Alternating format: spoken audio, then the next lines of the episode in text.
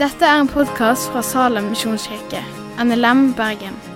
For mer informasjon om Salem, gå inn på salem.no.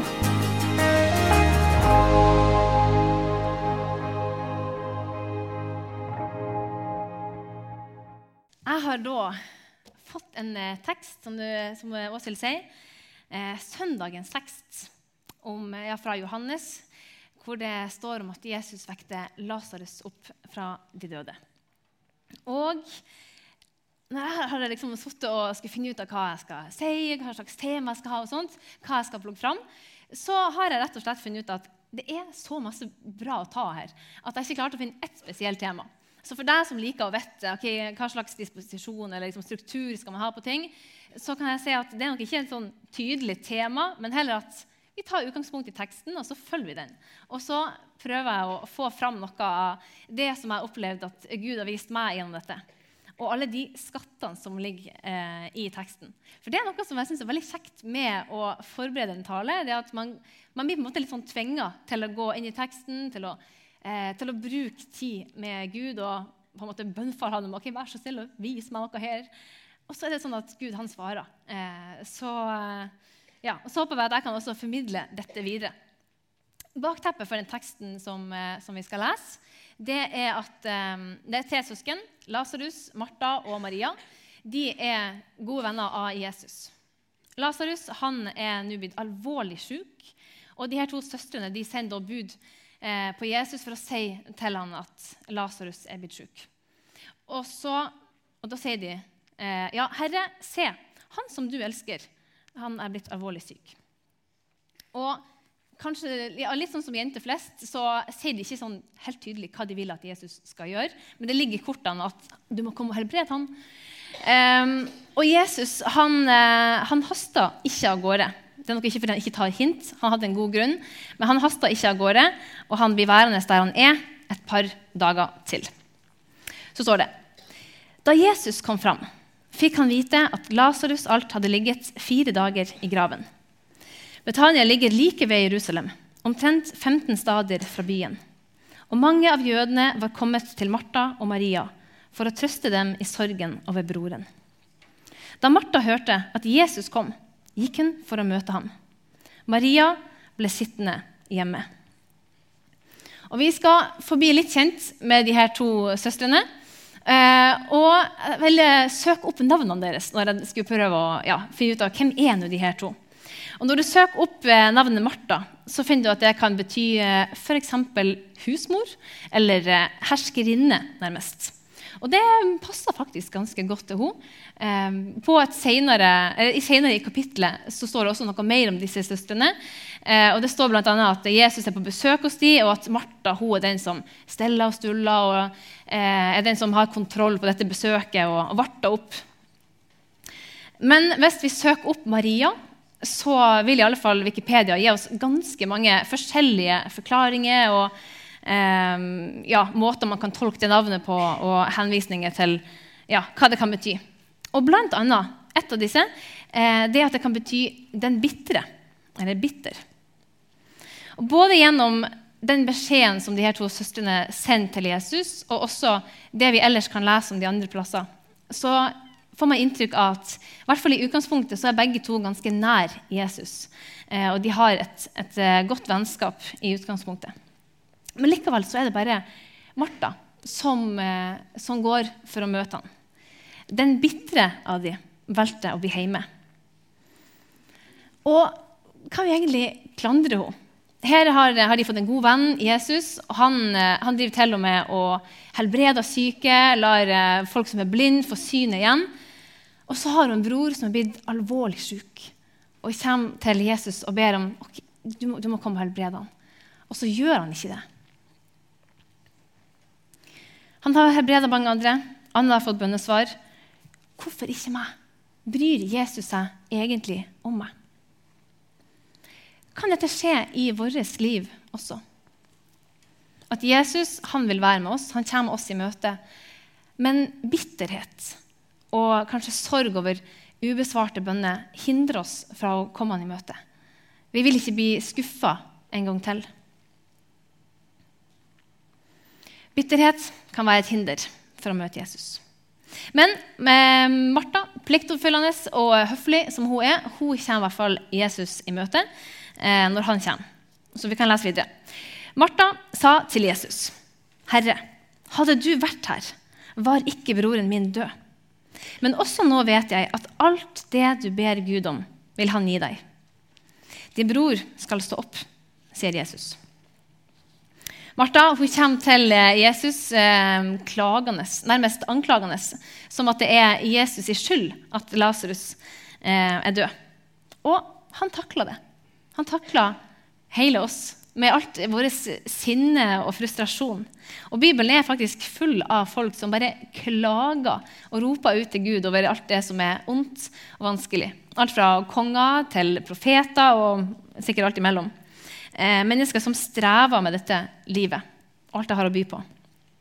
Jesus han vet at det er tungt og vanskelig. Han ønsker at vi skal komme til han med det. Ikke bli sittende i sorga, i bitterheten, sånn som Maria, men å komme til Jesus med det.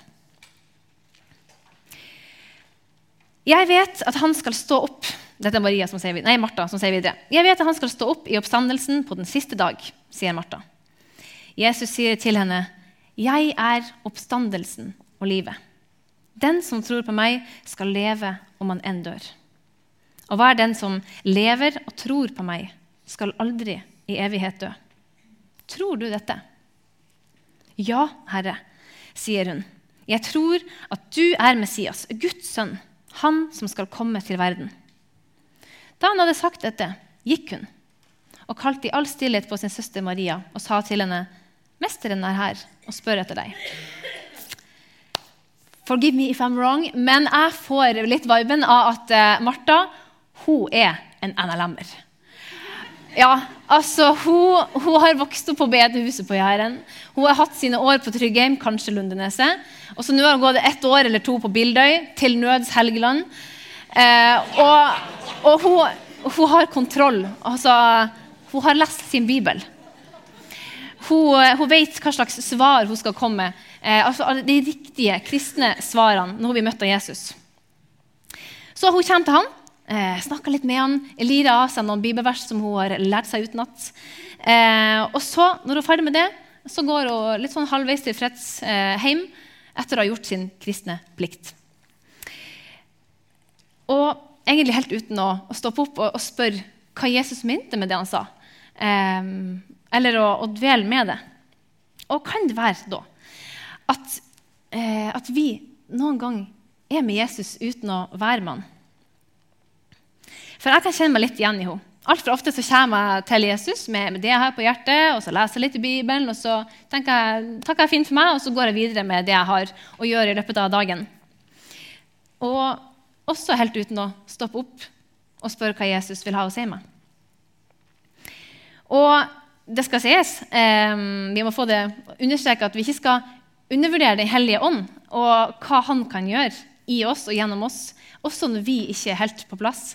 Selv om jeg ikke kanskje tenker at jeg får så masse ut av akkurat den bibellesinga den dagen, så tror jeg at Jesus han virker i oss. Jeg skal ikke undervurdere det, men jeg tror at tida vår med Jesus har potensial for så masse mer enn det vi kanskje lar den få. Vi går litt videre. Eh, Maria, hun går, nei, Martha hun går jo bort. Altså, kalte på sin søster Maria i stillhet, nei, i stillhet på sin søster Maria og sa til henne Mesteren er her og spør etter deg. Da Maria hørte det, sto hun straks opp og gikk ut til ham. Nå har det plutselig snudd for Maria. Først så var hun bare hjemme. Eh, men nå er det liksom en annen tone. Hun sto straks opp. Det er noe som har skjedd her. Eh, og hva er det? Vet ikke helt. Men i starten så var det i alle fall eh, ja, det var noen som kom og sa at Jesus nærma seg.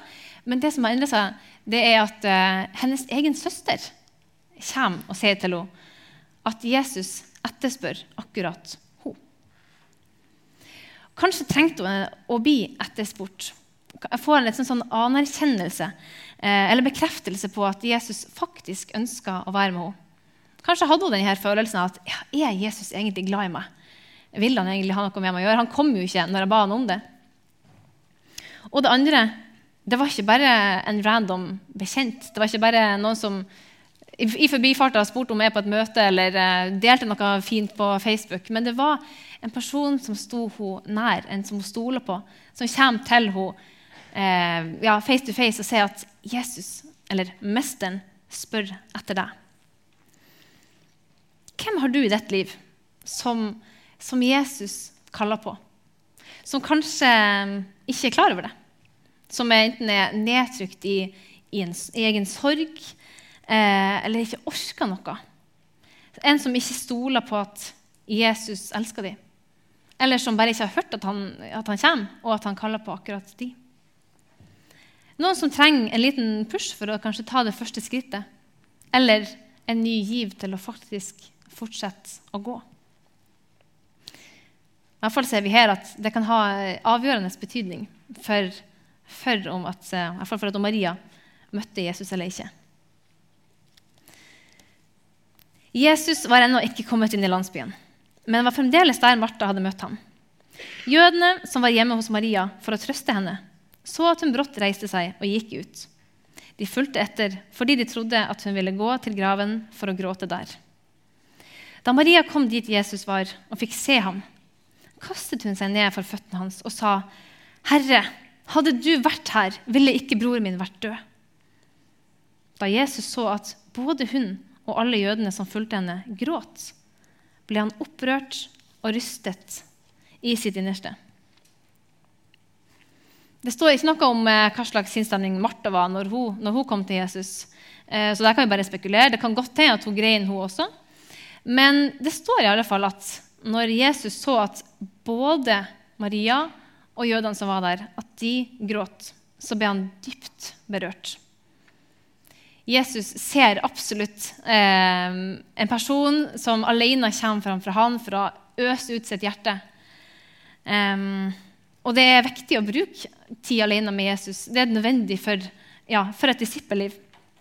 Men det er noe vi minner om her, og det er at når vi kommer sammen som kirke, som menighet, eller bare sammen som flere, og øser ut vårt hjerte, våre lengsler, våre bønner for Jesus, så rører det noe med ham.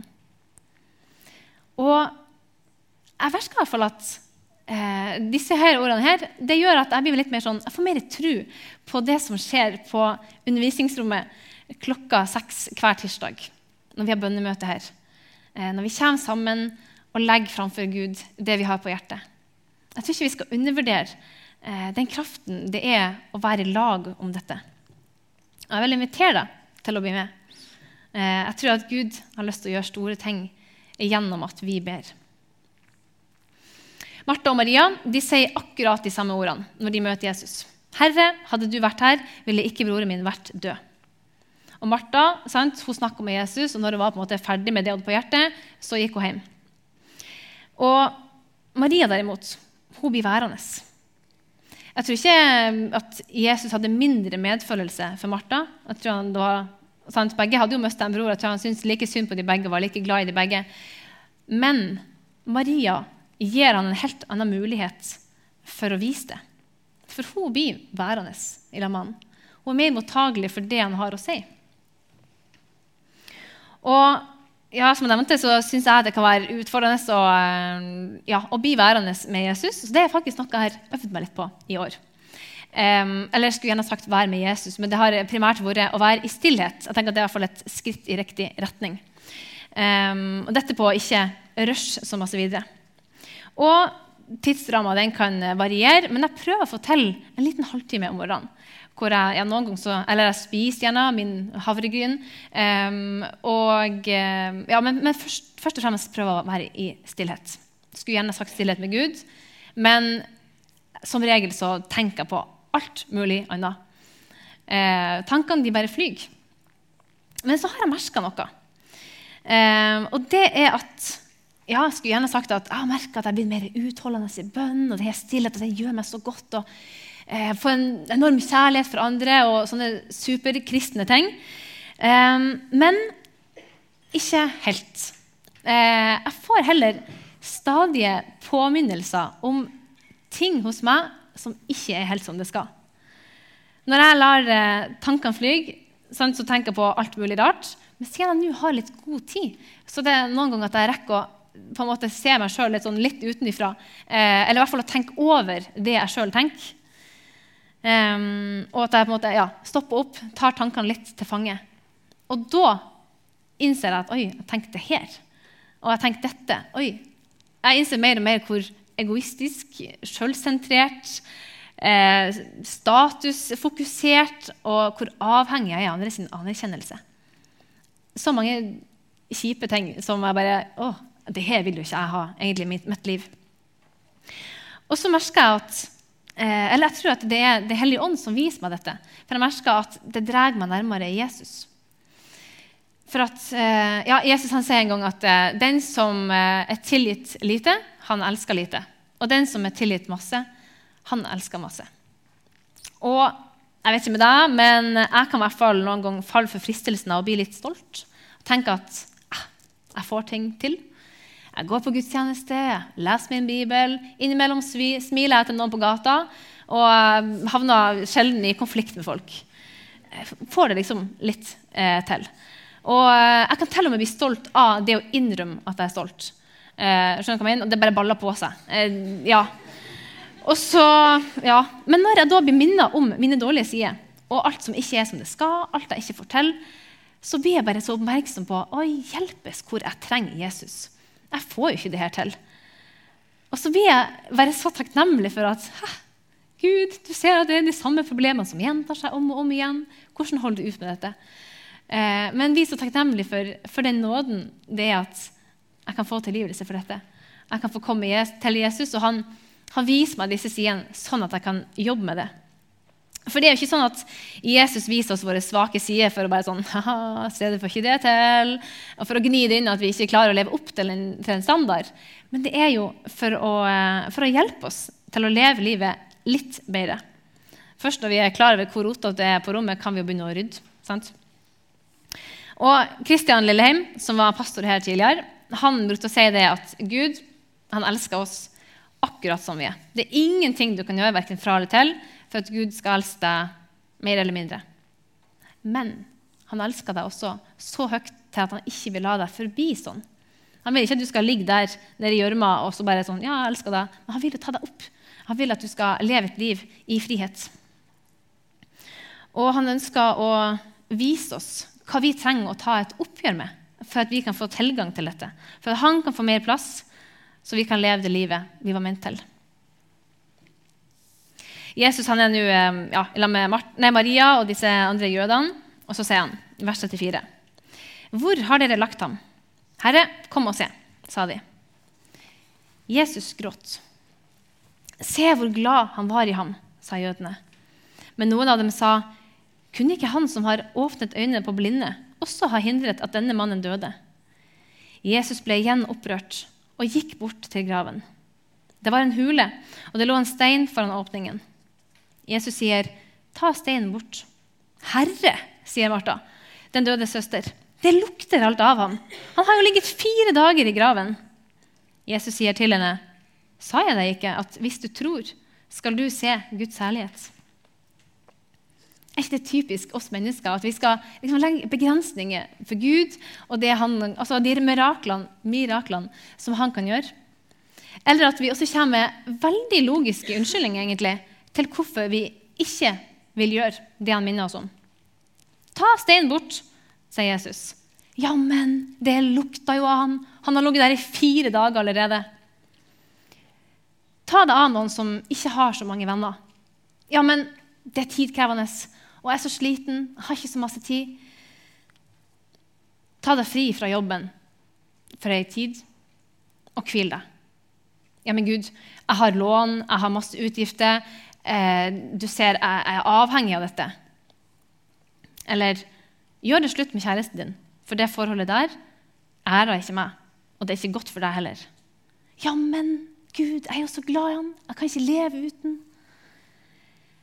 Skjer det noen ganger at vi ikke stoler på at Gud er det han sier han er. At han både vet hva som er best for oss, og at han ønsker det som er best for oss. At han viser oss en retning. Eh, som er god, selv om det ikke virker sånn logisk sett. Men at vi heller tar saken i egne hender. Eller tør du å gå på det som du blir minnet om, og gjøre etter hans ord, også når det ikke stemmer helt overens med dine egne følelser eller til og med din egen fornuft? For hvis vi tror, skal vi se Guds herlighet, sier Jesus. Og i det ligger det handling å faktisk ta bort en stein når han ber om det. Så tok de bort steinen. Jesus løftet blikket mot himmelen og sa, 'Far, jeg takker deg fordi du har hørt meg.' 'Jeg vet at du alltid hører meg.' Men jeg sier dette på grunn av alt folket som står omkring, så de skal tro at du har sendt meg. Da han hadde sagt dette, ropte han høyt, 'Lasarus, kom ut!' Da, døde, nei, da kom den døde ut, med liksvøp rundt hender og føtter, og med et tørkle bundet over ansiktet. Jesus sa til dem, Løs ham og la ham gå. To ting som jeg vil ta fram her. For det første eh, Jesus kan gjøre store mirakler. La oss bare få det klart. Eh, men legg merke til at når Lasarus kommer ut av grava, så er han fremdeles ikke fri. Når vi tar imot Jesus så, og tror på han og begynner å leve et liv eh, i etterfølgelse av han, vi setter han som, som herre i vårt liv, så betyr det ikke nødvendigvis at nå er alt good. Nå blir livet en dans på roser herifra. Det sier seg jo i seg sjøl at det å være innsurra i tøy på hender og føtter og det å ha et tørkle over hodet, eh, det gjør det litt vanskelig å bevege seg, rett og slett. Eh, for ikke å snakke om å se hvor en går. Og selv om vi har tatt et valg om å følge Jesus, så kan vi fremdeles være prega av synd, eh, av dårlige valg som vi har tatt, eller av sår som andre har påført oss. Og dette begrenser vår frihet. Og for det andre Jesus tok ikke av linklærne, men han ba de andre om å gjøre det. Jesus han frelsa. Ingen andre kan gjøre det. Men han har gitt oss som fellesskap et ansvar om å ta vare på hverandre og sørge for at vi blir fri for det som holder oss tilbake. I Jakobs brev så står det et vers. Bekjenn derfor syndene for hverandre, og be for hverandre, for at dere kan bli helbredet. I fjor høst så var jeg på en bibelskole i Hemsedal. Takk og lov for det. Kan anbefales. Um, og gjennom uh, de månedene der så fikk vi delta på et uh, kurs som heter Hjertefokus. Skal ikke si så veldig masse om det, annet enn at det er veldig bra. og vil anbefale alle å ta det.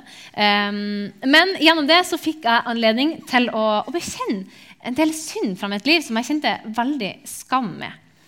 Uh, og dette fikk jeg gjøre til en lita og, og trygg gruppe. Veldig utfordrende. Ydmykende og emosjonelt ja, krevende. Jeg følte meg så avkledd. Det å sitte der og fortelle ting som jeg ikke vil at noen skal vite. For jeg tenker at hvis noen vet om det her om meg, så vil de i hvert fall ikke være med meg lenger. Eller eh, de kommer til å se ned på meg. Men så er det sånn at det motsatte skjedde. Jeg opplevde å bli møtt med en sånn kjærlighet. Som er sånn, Det var bare nåde, for jeg visste at dette her fortjener jeg ikke. Nå vet du noe om meg som ikke er bra. Og likevel så møter du meg med kjærlighet. Og ikke bare det, men jeg opplevde at den skammen som jeg kjente på med dette jeg hadde gjort, og, og, og, ting i livet mitt, den forsvant. Det var som at jeg faktisk ble helbreda fra det. Og Jeg hadde tidligere bedt om tilgivelse til Gud. Eh, jeg visste at jeg var tilgitt, men jeg kjente fremdeles skam fram til jeg faktisk sa det til noen andre også. Og når vi holder sår, synd og det vi kjenner skam med, når vi holder det skjult, så blir vi ikke fri fra det. Men det ligger der liksom og ulmer i mørket. Og kanskje hindrer det oss fra å, oppsøke ærlige fellesskap. Fordi vi er redd for at andre skal se det vi bærer på, eh, og se ned på oss eller fordømme oss for det.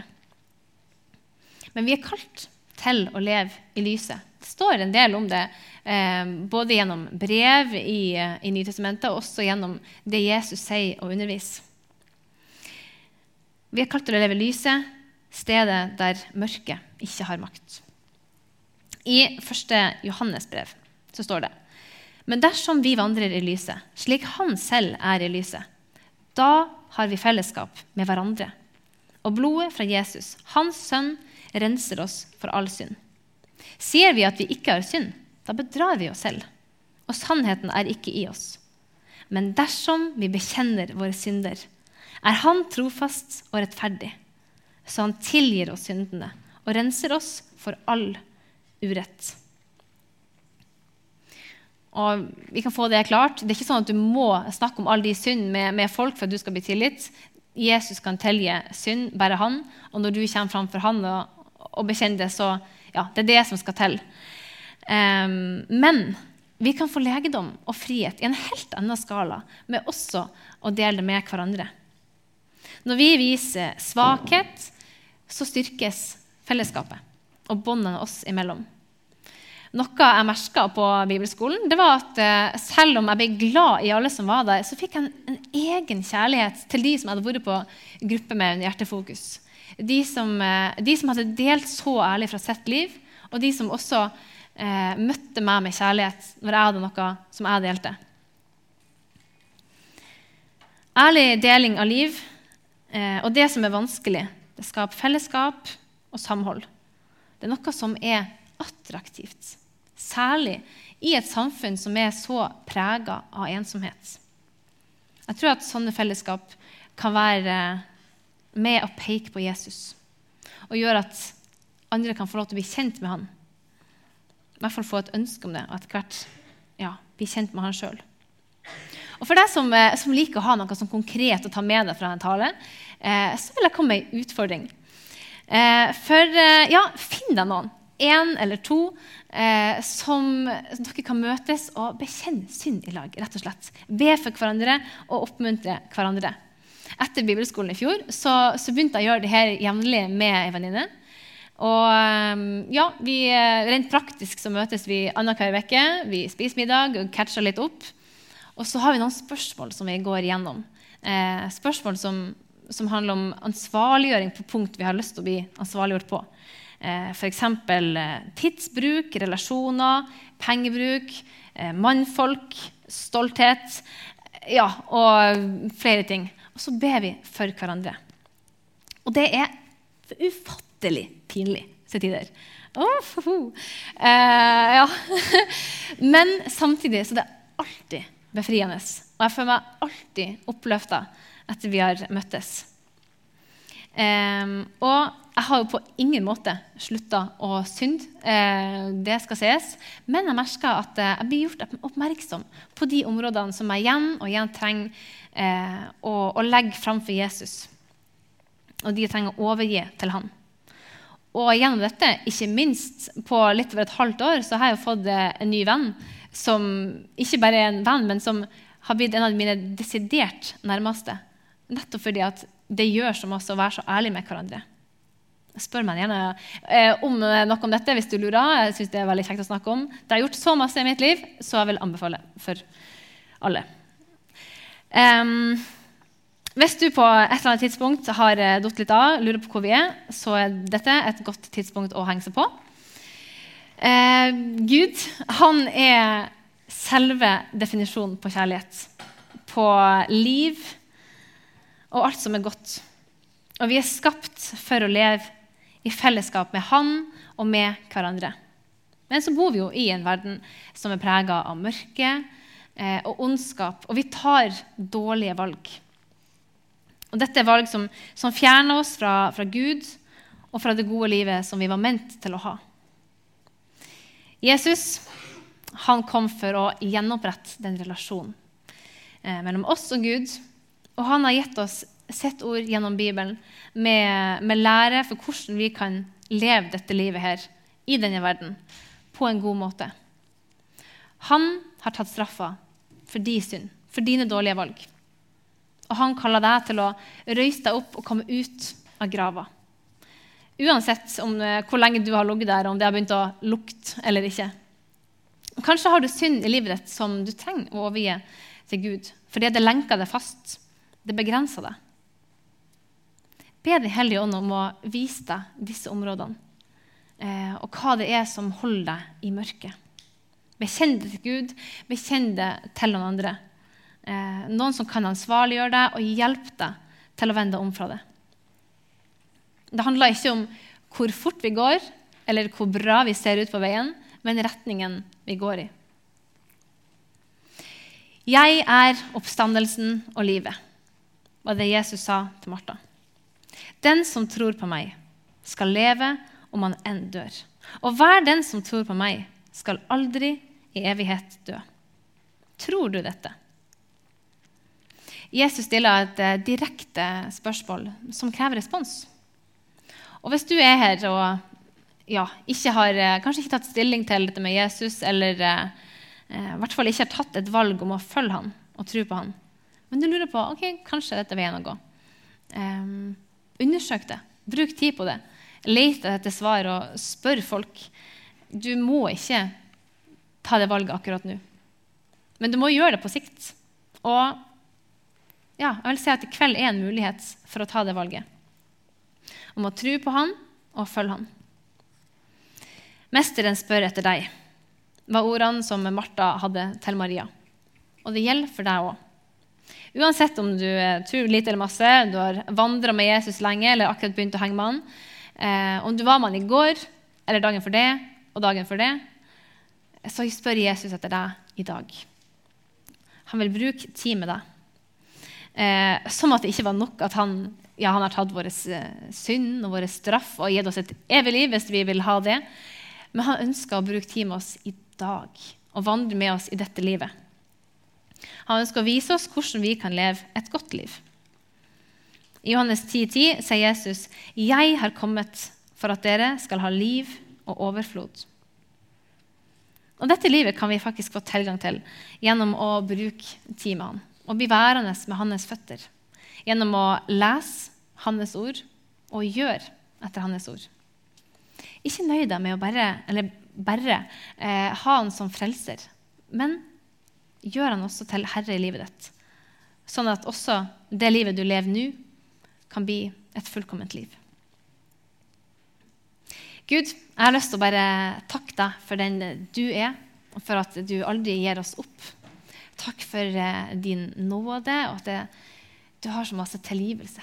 Eh, takk for at du ønsker et godt liv for oss. Eh, og du ønsker å vise oss områder i livet som ikke er godt, nettopp for at du kan få lov til å få plass, eh, den plassen som du fortjener, eh, og ordne opp i ting. Hjelp oss å se hva vi trenger å overgi til deg, hva vi trenger å vende oss om fra, for at vi kan leve det livet som, som du har skapt oss til. Takk at du, med, at, du, at du er med på veien, og at du vil være med oss hver dag. Amen. Takk for at du har hørt på podkasten fra Salem, Bergen. I Salem vil vi vinne, bevare, utruste og sende, til Guds ære. Vi ønsker å se mennesker finne fellesskap, møte Jesus og bli disippelgjort her i Bergen og i resten av verden. Vil du vite mer om oss, gå inn på salem.no.